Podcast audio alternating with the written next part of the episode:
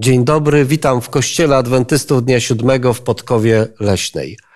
Zapraszam na studium Biblii z serii Jak interpretować Pismo Święte. Tytuł dzisiejszego spotkania to Sola Scriptura, czyli tylko Pismo Święte.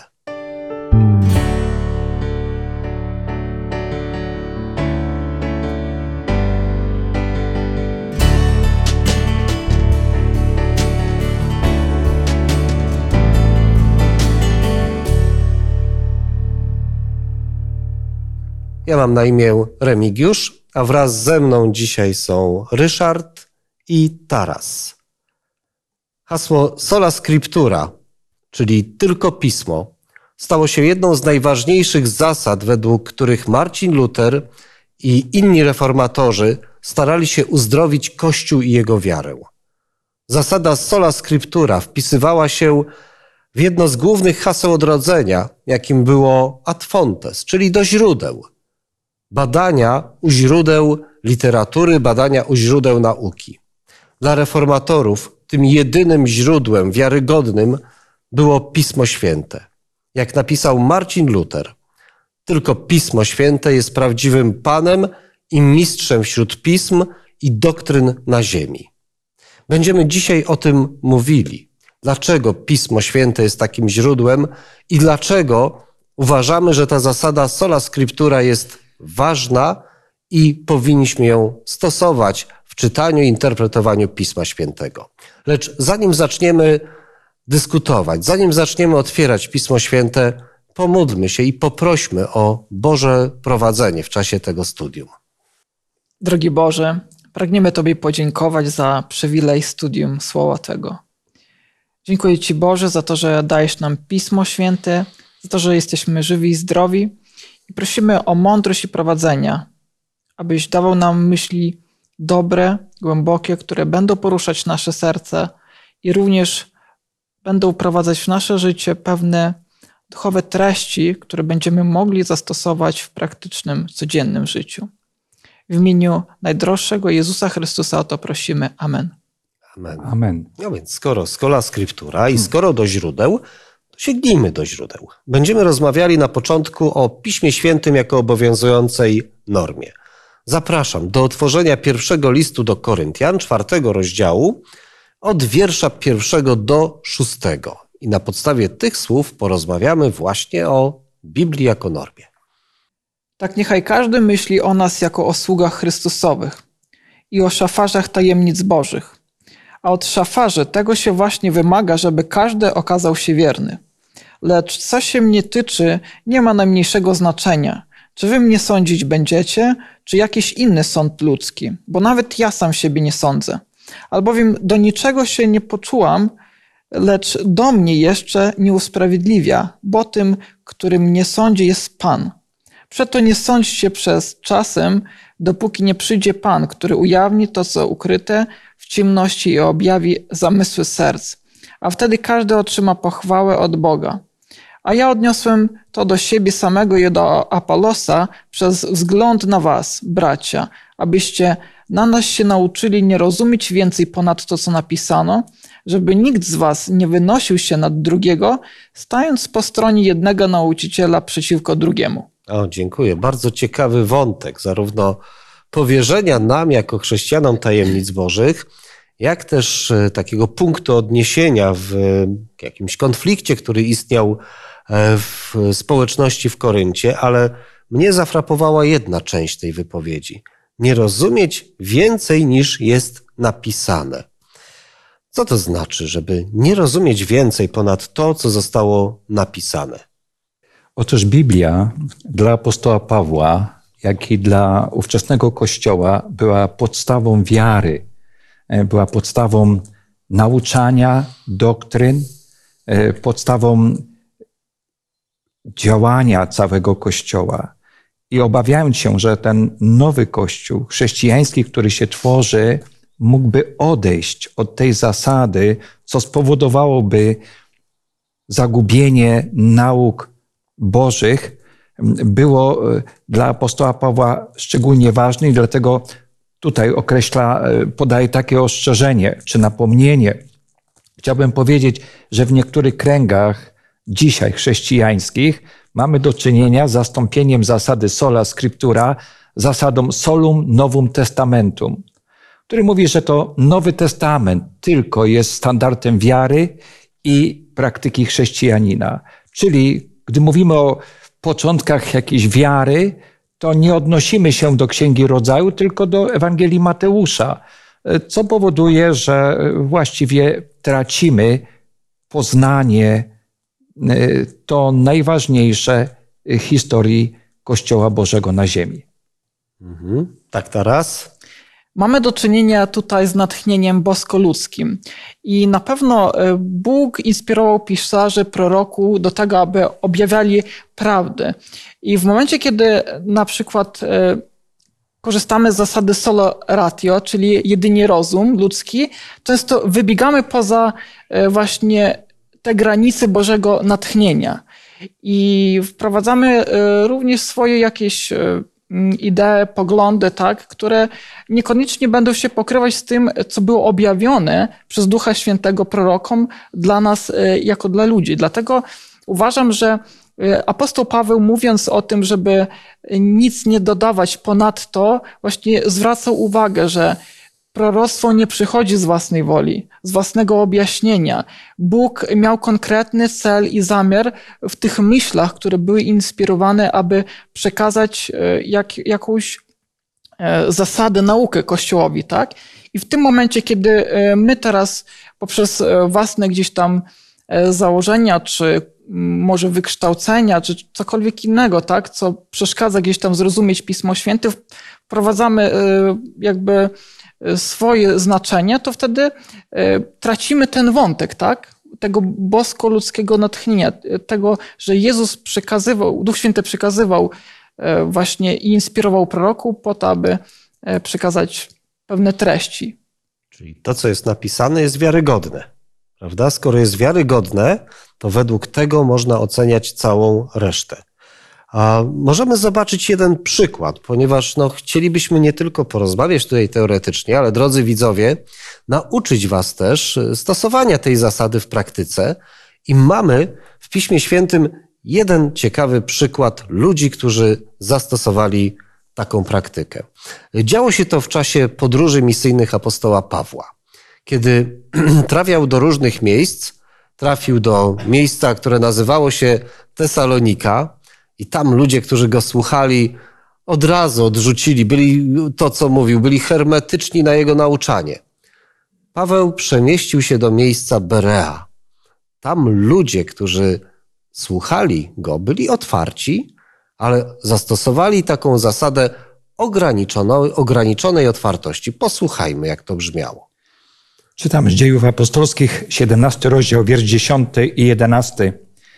Bracia zaś wyprawili zaraz w nocy Pawła i Sylasa do Berei.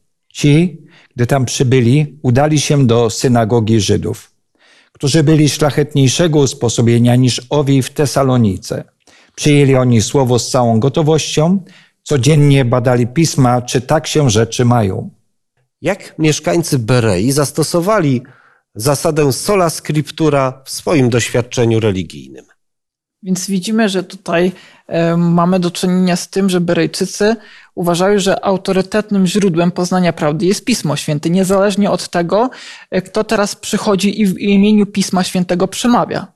E, I niezależnie od tego, jaki status e, w kościele miał apostoł Paweł, dla Berejczyków było zrozumiałe, że wszelkie treści, które są głoszone, wykłady czy jakieś zachęcenia, napomnienia, tak, powinny być weryfikowane jedynie z Pismem Świętym.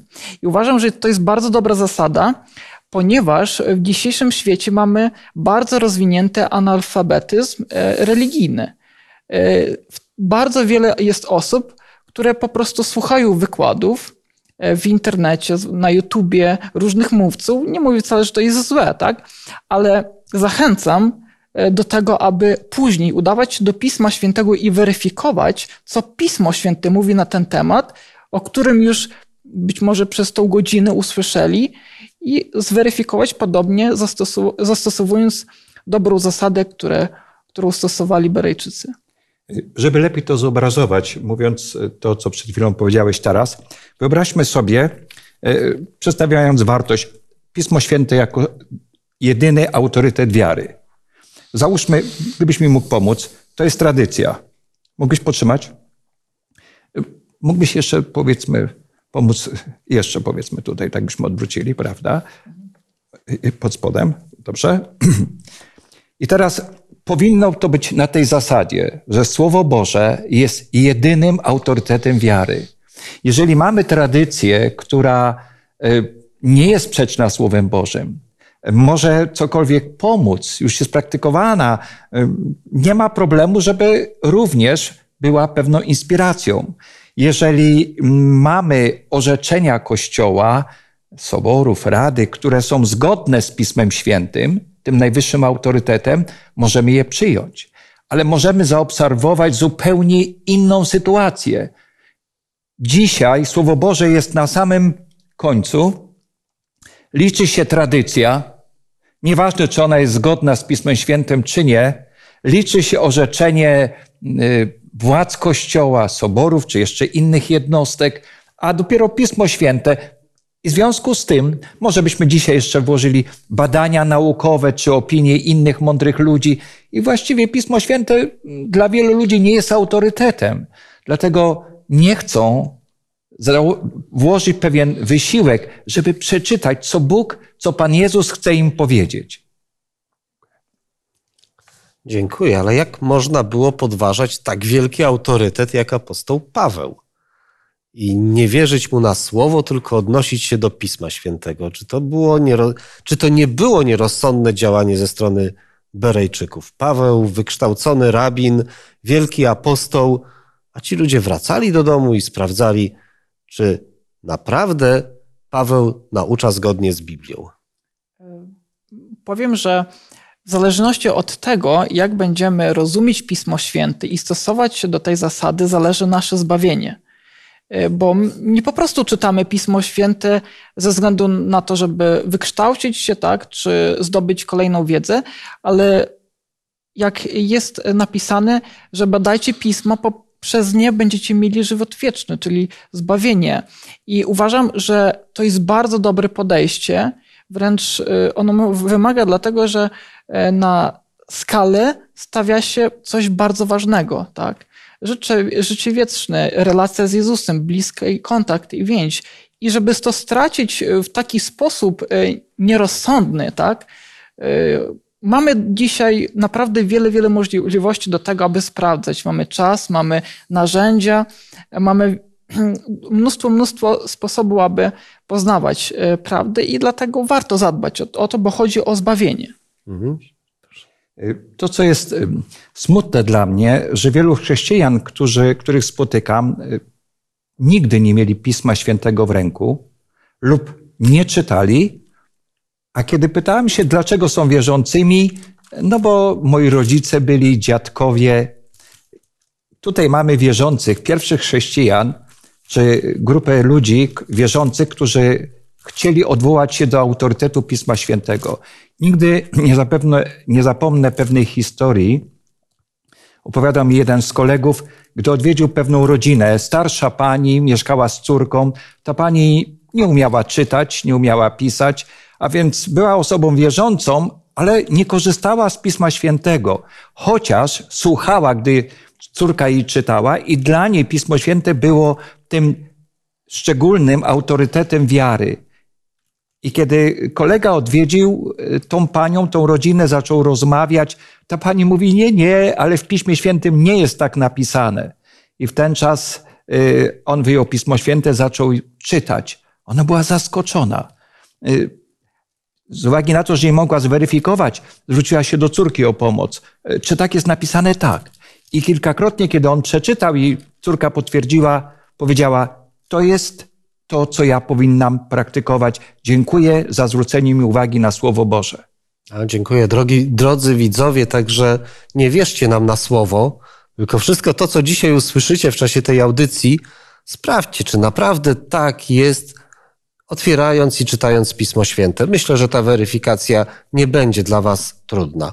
E, drugą zasadą dotyczącą właśnie sola scriptura jest uznanie jedności Pisma Świętego. No, Pismo Święte, tak jak już mówiliśmy w poprzednich audycjach, jest bardzo różnorodne literacko. Powstawało w dużej przestrzeni czasowej, 1500 lat. Księgi spisywało 40 ponad osób, a więc moglibyśmy mieć wszelkie prawdopodobieństwo, że będzie to coś bardzo niejednolitego. Ale wierzymy w jedność Pisma Świętego. Co jest takim spoiwem dla, tej, dla tego całego kanonu 66 ksiąg, kiedy mówimy o tym, że jest to jedność? Tym spoiwem jest autor. E, kiedy mówimy, że 40 osób pisało, to ja traktuję ich jako pisarzy. Natomiast autorem, tym, który inspirował e, pisarzy, to był Duch Święty. I on czuwał nad tym, żeby księgi, które były pisane przez różnych pisarzy, e, to byli ludzie bardziej wykształceni, mniej wykształceni, zajmujący się różną profesją, e, mogły przekazać największe przesłanie o Bogu, o Jego miłości, o planie zbawienia, e, żeby to było przekazane również o niebezpieczeństwach i zagrożeniach, które są y, dla ludzkości, żeby również pokazać wielki bój między Bogiem a siłami zła. I w związku z tym właśnie y, ta niesamowita zgodność jest zaskakująca. Księga, która powstawała na przestrzeni 1500 lat, nie ma sprzeczności.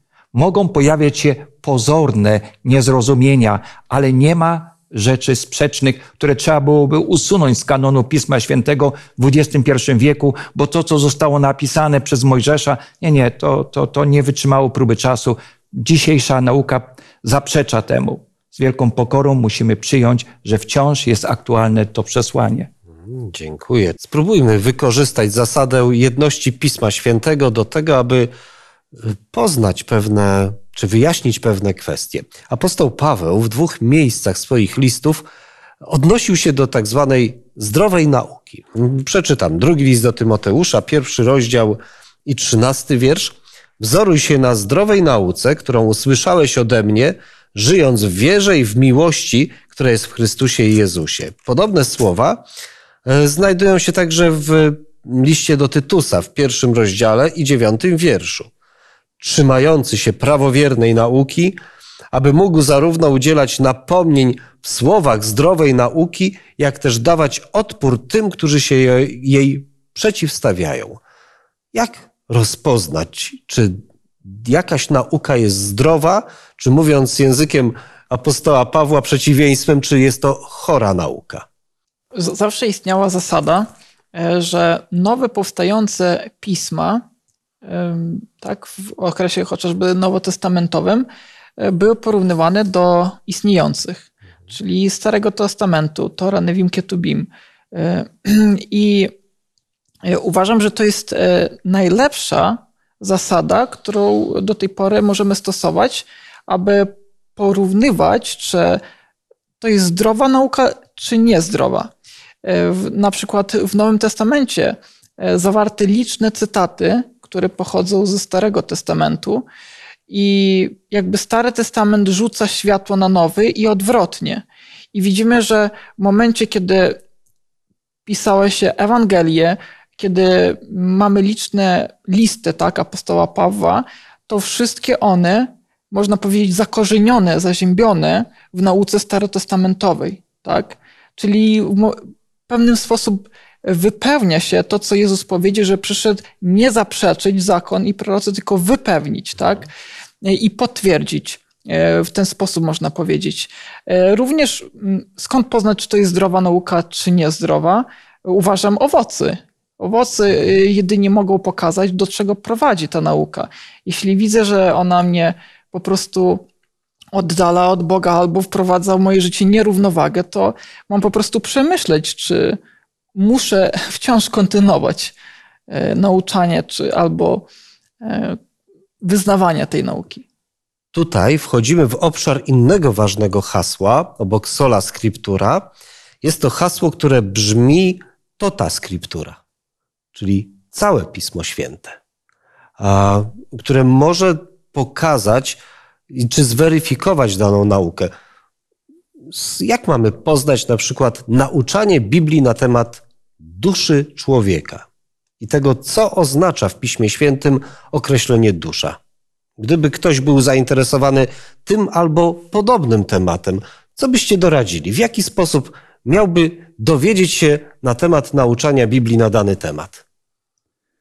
Oczywiście powinien uczciwie podejść do tego zagadnienia i od początku Pisma Świętego do, mm, poprzez poszczególne księgi próbować znaleźć y, informacje, co Pismo Święte ma na ten temat do powiedzenia. Gdy mówimy na temat y, nieśmiertelności duszy czy stanu, umar stanu y, umarłych, Y, to y, niektórzy powołują się na fragment z Ewangelii Łukasza, który opisuje y, o tym, co działo się żebrakiem, łazarzem i, i bogatym, bogatym człowiekiem, ale jest to przypowieść. Jeżeli teraz ktoś będzie chciał budować swoją wiarę, swoje przekonanie, że taki jest stan umarłych po śmierci, na bazie tej przypowieści, no to jaki będzie efekt? No niewłaściwy, niepełny. Dlatego Przypominam sobie, e, jeden z moich przyjaciół opowiadał, w jaki sposób dyskutował z pewnym człowiekiem, e, który oczywiście, bo może jeszcze jedną rzecz powiem. Biblia, Biblię można porównać do skrzypiec. Można wygrać, na skrzypcach można zagrać każdą melodię, nieprawdaż? E, podobnie biorąc Biblię, możemy znaleźć usprawiedliwienie dla różnych dziwnych nauk, które praktykujemy. Dlatego jest tyle kościołów. Ale jeżeli chcemy być uczciwi, to musi być zasada tota scriptura, całe Pismo Święte. Prawda jest objawiona w całym Piśmie Świętym. I w związku z tym, gdy pewien człowiek dyskutował z moim kolegą e, właśnie wybiórczo, wybierając fragmenty czy wersety, które potwierdzają jego hipotezę, jego teorię, no to yy, kolega powiedział: Chwileczkę, to ja teraz pokażę Panu, jak Pan studiuje Pismo Święte. I powiedział, proszę odczytać ten tekst. Zdziwiony, bo ten tekst nie dotyczył y, tematu, a tekst brzmiał, poszedł Judasz i się powiesił. Y, co Pan chce powiedzieć? Chwileczkę. A teraz proszę przeczytać ten tekst, y, który tak brzmiał. I ty też tak zrób. Co z tego wynikało? No, że Biblia promuje samobójstwa. Nieprawda. Jeżeli ta zasada, to ta skryptura, i oczywiście zasada kontekstu, o czym będziemy mówili za chwilę, zostanie pominięta, to w ten czas wchodzimy w ślepy zaułek. Mhm. Dziękuję. Czyli drodzy słuchacze, nie tylko sprawdzajcie w Piśmie Świętym to, o czym my mówimy, ale sprawdzajcie w całym Piśmie Świętym, od samego początku do samego końca, od pierwszej do ostatniej księgi. Ja mogę tylko podpowiedzieć, że jest takie ciekawe narzędzie, które może pomóc e, w poszukiwaniu tego, czego Biblia uczy na dany temat. Tym, to narzędzie nazywa się konkordancja biblijna, która zawiera wszystkie słowa, które znajdują się w Piśmie Świętym, wszelkie miejsca występowania danego słowa i przeglądając wszystkie teksty, w których dane słowo występuje, można stworzyć e, swój pogląd na temat danego terminu, danej prawdy teologicznej.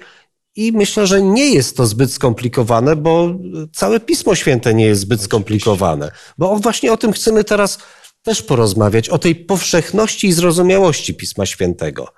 Y, patrząc na nauczanie Pana Jezusa, no zapraszam do mm, przeczytania Ewangelii Mateusza, 12 rozdziału, 3 i 5 wiersza. A on rzekł im, Czyż nie czytaliście, co uczynił Dawid, kiedy był głodny, on i ci, którzy z nim byli? Albo czy nie czytaliście w zakonie, że w sabat kapłani w świątyni naruszają sabat, a są bez winy? Mhm. Zobaczcie, Pan Jezus kierował swoje nauczanie do różnych ludzi, do uczonych w piśmie, faryzeuszy, kapłanów, ale także do prostych ludzi i także wobec tych prostych ludzi posługiwał się Pismem Świętym Czy zatem, jak sądzicie, czy Pismo Święte jest, może być zrozumiałe dla każdego człowieka? Oczywiście mm, Pismo Święte jest pisane językiem komunikatywnym, zrozumiałym. To nie znaczy, że przeczytamy raz i wszystko wiemy. Głębia Pisma Świętego jest zadziwiająca. Najbardziej y, zdolni ludzie, wymagający, znajdą niesamowite, niesamowitą inspirację. Najbardziej skromni, prości ludzie znajdą również dla siebie inspirację. Dlatego Pan Jezus, kiedy przebywał na naszej ziemi, w, w różnych sytuacjach, kiedy był mm, atakowany, kiedy chciał mm, pewne rzeczy potwierdzić, powiedział: Napisano, a więc odwoływał się do autorytetu Pisma Świętego. Poza tym jest ciekawa rzecz. My wiemy z historii, że przyszedł taki moment, gdzie tylko duchowni mogli czytać tą księgę. Przeciętny wyznawca był pozbawiony Pisma Świętego, lektury, ponieważ nie znał języka łacińskiego, więc po prostu chleb żywota był dla niego absolutnie czymś nieznanym. E, ktoś może postawić pytanie, a czy dzieci mogą czytać Pismo Święte? Apostoł Paweł napisał do Tymoteusza, a ponieważ od dzieciństwa znasz Pisma Święte. Czy więc nie ma e, ograniczeń wiekowym? Osobiście jako dziecko e, uczyłem się czytać i bardzo często korzystałem z Pisma Świętego. To dało mi dość dużą przewagę później w szkole, po prostu dlatego, że chętnie lubiłem czytać Pismo Święte. A, dziękuję. Czyli jest powszechne dla każdego człowieka, jest, może być zrozumiałe dla każdego człowieka, no ale co zrobić? Tak może z waszego doświadczenia, w dwóch zdaniach, kiedy natrafiamy na niezrozumiałe, bądź może kontrowersyjne dla nas wypowiedzi Pisma Świętego. No klasyczny przykład. Osoby, które czytają Stary Testament, niejednokrotnie są zszokowane opisem wojen, wręcz jak nazywają ludobójstwa w Starym Testamencie, wybijania całych narodów. Co zrobić podczas lektury, kiedy się natrafia na takie, takie fragmenty, czy inne, które są niezrozumiałe? Przede wszystkim Biblia sama jest dla siebie światłem. Mhm. I na przykład, e, kiedy zobaczymy i przeczytamy e, Księgę Wyjścia, z tego co pamiętam, 34 rozdział, kiedy Bóg sam się objawia i mówi o sobie w sposób, że jestem Bogiem miłosiernym, miłującym, kochającym. I znajdziemy wiele, wiele, wiele innych jeszcze fragmentów, gdzie Pan Bóg ukazuje się wcale e, nie takim mściwym Bogiem nienawistnym, e, to zrozumiemy, że jednak e, to nie jest do końca prawdą, że Bóg jedynie objawia się w Starym Testamencie jako Bóg mściwy. Czyli zasada tota scriptura, inaczej mówiąc, czytaj dalej, a zrozumiesz w pewnym kontekście. Tak. Y, Remko, odpowiadając jeszcze na to zagadnienie, ono jest bardzo trudne, żeby wyjaśnić, y, ponieważ nasze możliwości y, są zupełnie inne. Pan Bóg zna przyszłość. I Pan Bóg doskonale wiedział, czy dany naród, czy dana jednostka pozostawiona nadal przy życiu będzie dobrodziejstwem dla społeczeństwa, pomoże, czy raczej będzie niszczycielem doprowadzającym do zupełnego upadku chcąc ratować innych ludzi, Pan Bóg podejmował decyzję po prostu unicestwienia tych ludzi, którzy swoim, y, swoim życiem, zwyczajami czy praktykami, no na przykład, składano na ofiary dzieci. Było to zupełnie nieznane w religii y, Pisma Świętego. Było to sprzeczne. Pan Bóg nie chciał zezwolić na to, żeby praktyki tego typu były stosowane w ludzie Bożym. Poznaliśmy do tej pory termin sola scriptura i jego znaczenie. Poznaliśmy także termin tota scriptura i też zastosowanie i znaczenie tego terminu. Dowiedzieliśmy się o tym, że Pismo Święte stanowi jedność i jest powszechne, ale przed nami teraz kolejny termin, z którym chcielibyśmy Was, drodzy, zapoznać. A ten termin brzmi, i to jest takie trudne stwierdzenie trochę, scriptura, scripturam, interpretator. Oznacza po prostu, że Biblia interpretuje samą siebie. Zobaczmy, jak zastosował tę zasadę Pan Jezus. Otwórzmy Ewangelię Łukasza, 24 rozdział, 27, 44 i 45 wiersz. Y, historia ta toczy się tuż po zmartwychwstaniu Pana Jezusa. Kiedy uczniowie idą z Jerozolimy do miasteczka Emaus, Jezus spotyka ich, rozmawiają o tym, co się wydarzyło i Pan Jezus zaczyna otwierać czy cytować Pismo Święte, żeby wyjaśnić im swoje zmartwychwstanie i to, kim jest. Posłuchajmy tych słów. I począwszy od Mojżesza, poprzez wszystkich proroków wykładał im, co o nim było napisane we wszystkich pismach. Wtedy otworzył im umysły, aby mogli zrozumieć pisma i rzekł im, jest napisane, że Chrystus miał cierpieć i trzeciego dnia zmartwychwstać. Jakie zasady interpretacji Pisma Świętego zastosował tutaj według Was Pan Jezus? Myślę, że tutaj się ukazuje mnóstwo zasad, tak? Mhm. E, zasada tota scriptura, e, tak? Jedności też Pisma Świętego, ale przede wszystkim też, e, że Biblia wykłada się sama. A co to może znaczyć, że Biblia wykłada się sama? A Dojdźmy więc, do tego sedna. Więc może przykład taki. Mm, mamy Księga Apokalipsy, w której e, w 12 rozdziale czytamy w 17 wersecie, że może przeczytam mhm. objawienia 12-17 i zawrzał smok gniewem na niewiasty i odszedł, aby podjąć walkę z resztą jej potomstwa, która strzeże przykazań Bożych i trwa przy świadectwie o Jezusie. Więc zadajemy w tym momencie pytania, czym jest świadectwo Jezusa, tak? E, I Biblia jakby nam odpowiada, tak? Biblia wykłada się sama w tej kwestii, e, bo co dalej, kilka rozdziałów dalej, czytamy w 19 rozdziale tej samej księgi, 10 wersecie i upadłem mu do nóg, by mu oddać pokłon. A on rzeczy do mnie, nie czyń tego, jam współsługa twój i braci twoich, którzy mają świadectwo Jezusa. Bogu oddaj pokłon. A świadectwem Jezusa jest duch proroctwa. Czyli dar prorokowania w kościele, e, ogólnie mówiąc. Mhm. Więc i to jest właśnie prosto, prostonoczny przykład, który pokazuje, że Biblia naprawdę uzupełnia się sama. Nie potrzebujemy e, jakichkolwiek innych e, do Biblii narzędzi, ale w niej zawarta odpowiedź. Jeśli można, tutaj ten wątek e, teraz, który ty pociągnąłeś, e, na przykład w tym dwunastym rozdziale przeczytałeś i zawrzał smok gniewem na niewiastę. No, kto to jest tym smokiem? Dokładnie. E, to, to, to jest szok. Smok wawelski, ktoś może powiedzieć? Nie, właśnie Biblia nam samo odpowiada. Wiersz dziewiąty. I rzucony został ogromny smok, wąs starodawny, zwany diabłem i szatanem. A więc nie ma wątpliwości, że w tej symbolice oczywiście jest jasno przedstawiony smok i reprezentuje szatana, diabła, który jest przeciwnikiem Boga i człowieka.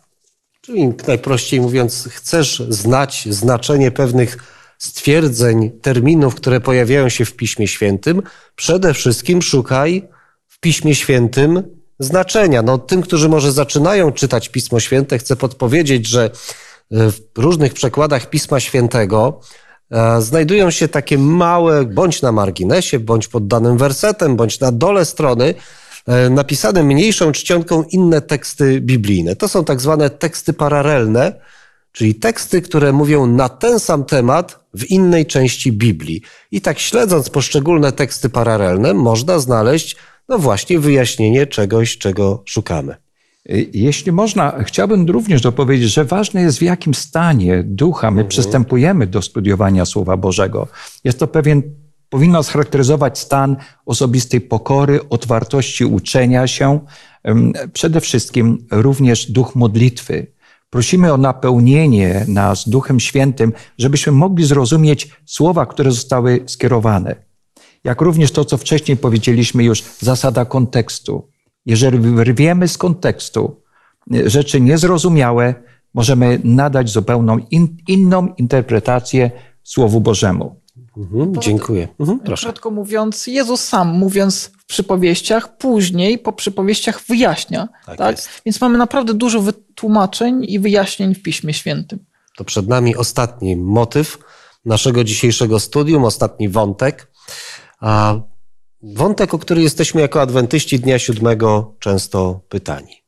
ponieważ utożsamiamy się z zasadą sola scriptura, ponieważ często posługujemy się takimi słowami z księgi Izajasza 8 rozdziału i 20 wiersza do zakonu i do świadectwa jako tych źródeł objawienia, no ale w naszych zasadach wiary jest pewna też zasada mówiąca o darze proroctwa. I teraz na podstawie tego też nauczymy się kolejnego terminu dotyczącego interpretowania Biblii, czyli norma normans i norma normata. No, kolejne może trudne stwierdzenie. Ale wierzymy w to, że osoba, która żyła i o której najczęściej mówimy, że jest chrześcijańską pisarką, która żyła w, tworzyła między rokiem 1844 a rokiem 1915, która nazywała się Ellen White, została obdarzona darem proroctwa. I czasami słyszymy, że dla nas, adwentystów Dnia Siódmego, jej twórczość jest uzupełnieniem Biblii, jest y, jakby drugą Biblią. Jak to wygląda naprawdę? Jeśli można, y, gdy czytamy opisy Biblii, nieraz są one bardzo syntetyczne, bardzo mm, skromne. Na przykład opis kuszenia Ewy. Jestem przekonany, że to nie trwało dosłownie minutę. Y, dlatego, mm, gdy Ellen White opisuje to w książce Patriarchowie i Prorocy, ona opisuje to szerzej, ma wizję tej sceny, została ta scena jej przedstawiona i podaje wiele bardzo ciekawych faktów, które ten obraz wzbogacają.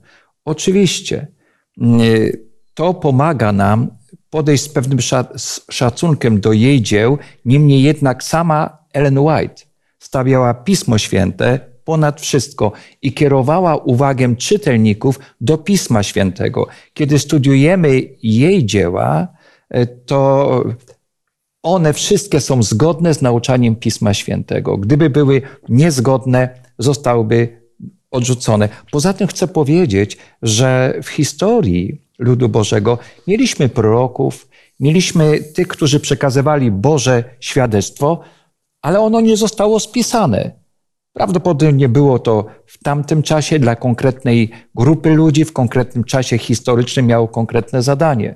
Natomiast to, które przekazuje Ellen White, ma szczególne poselstwo na ten czas. Piękne zasady zdrowia, które są ponadczasowe, uniwersalne. Dziękuję bardzo. Czyli to norma normans i norma normata oznacza, że coś, co tworzy człowiek, musi być weryfikowane przez natchnione Słowo Boże. I musi być z tym zgodne. Ja chciałbym przeczytać y, wypowiedź samej Ellen White na temat relacji jej pism do Pisma Świętego. Ta autorka napisała tak. Kiedy czynicie Biblię waszym pokarmem i napojem, kiedy wyłożone w niej zasady stają się częścią waszego charakteru, będziecie się uczyli przyjmować rady Boże. Wywyższam przed wami bezcenne słowo. Nie powtarzajcie moich słów, mówiąc, siostra White powiedziała to, albo siostra White powiedziała tamto. Dowiedzcie się, co mówi Jahwe, Bóg Izraela i czyńcie jego przykazania. Bardzo prosta zasada norma normans i norma normata. Ale chciałbym także przeczytać e, oficjalne stanowisko Kościoła Adwentystów Dnia Siódmego wyrażone w biblijnych zasadach wiary. Pierwsza zasada wiary mm, brzmi Pismo Święte. I w tej zasadzie znajduje się też takie zdanie. Pismo Święte jest najwyższym, autorytatywnym i nieomylnym objawieniem Jego woli wyznacza standardy rozwoju charakteru, weryfikuje nasze doświadczenia, objawia definitywnie zasady wiary i stanowi wiarygodny zapis działania Bożego w historii. Czyli to jest jedyny autorytet, ale także z zasady zatytułowanej Dar proroctwa, która mówi na temat naszej relacji do twórczości Ellen White. Pozwolę sobie zacytować jedno zdanie. Jej pisma przemawiają z proroczym autorytetem i dostarczają Kościołowi pociechy, wskazówek, pouczeń oraz korygują jego kroki. Zaświadczają one także wyraźnie, iż to Biblia stanowi kryterium, według którego należy oceniać wszelkie nauki i doświadczenia religijne. Zapraszam Was, drodzy, do lektury książek tej autorki, ale także sprawdzajcie, czy to, co napisała, jest zgodne z Pismem Świętym. Dzisiaj poznaliśmy kilka ważnych zasad interpretowania Pisma Świętego. Być może zapomnimy niektóre z tych y, terminów i trzeba będzie sobie odtwarzać ponownie nasze studium, żeby je zapamiętać, ale chciałbym, żeby przede wszystkim zapamiętać zasadę sola scriptura. Tylko pismo. Dla osoby, która szuka Boga, osoba, która szuka Boga, powinna się odwoływać do Biblii jako jedynego i najważniejszego autorytetu. A wszystko inne powinno być oceniane i weryfikowane wobec Pisma Świętego. I tak jak mówiliśmy, a zrozumienie Pisma Świętego jest dla każdego, kto ma szczerą wolę. Chciałbym Tylko jeżeli pozwolisz, jedno zdanie e, jeszcze. e, Mianowicie e, możemy porównać Pismo Święte do wzorca jednego metra, który Tak znajduje jest. się w Sèvres pod Paryżem. To znaczy, jeżeli ja chcę wydawać, produkować miary jedno, jednometrowe, muszą one zgadzać się z tym wzorcem. Jeżeli ja jako chrześcijanin chcę praktykować Boże zasady, muszą zgadzać się z nauką Pisma Świętego. I to jest podstawą w życiu każdego chrześcijanina. Bardzo dziękuję za uwagę podczas naszego studium. Chcę zaprosić na kolejne studium zatytułowane Dlaczego warto interpretować Pisma Święte, Pis- Pismo Święte? Dlaczego interpretacja Biblii jest konieczna? To naprawdę będzie ciekawe studium. A teraz chciałbym, abyśmy to dzisiejsze spotkanie zakończyli modlitwą. Ukochany nasz Boże i Ojcze, pełni wdzięczności za Pismo Święte, które zostało zachowane aż do naszych czasów, jest dla nas wzorcem, drogowskazem życia, kształtuje nas, wychowuje, ponieważ to Ty w tej księdze przemawiasz do każdego z nas.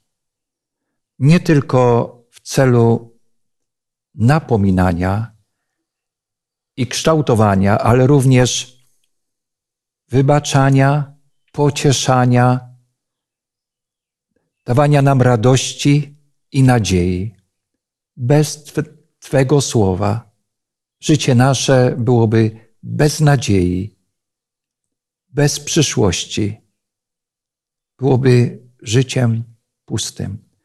Dlatego prosimy o szczególne napełnienie Duchem Świętym każdą osobę, która bierze do ręki tą szczególną księgę, świętą księgę, której jest Twoje objawienie, żeby była napełnieniem i treścią jej życia. O to prosimy w imieniu Pana Jezusa. Amen.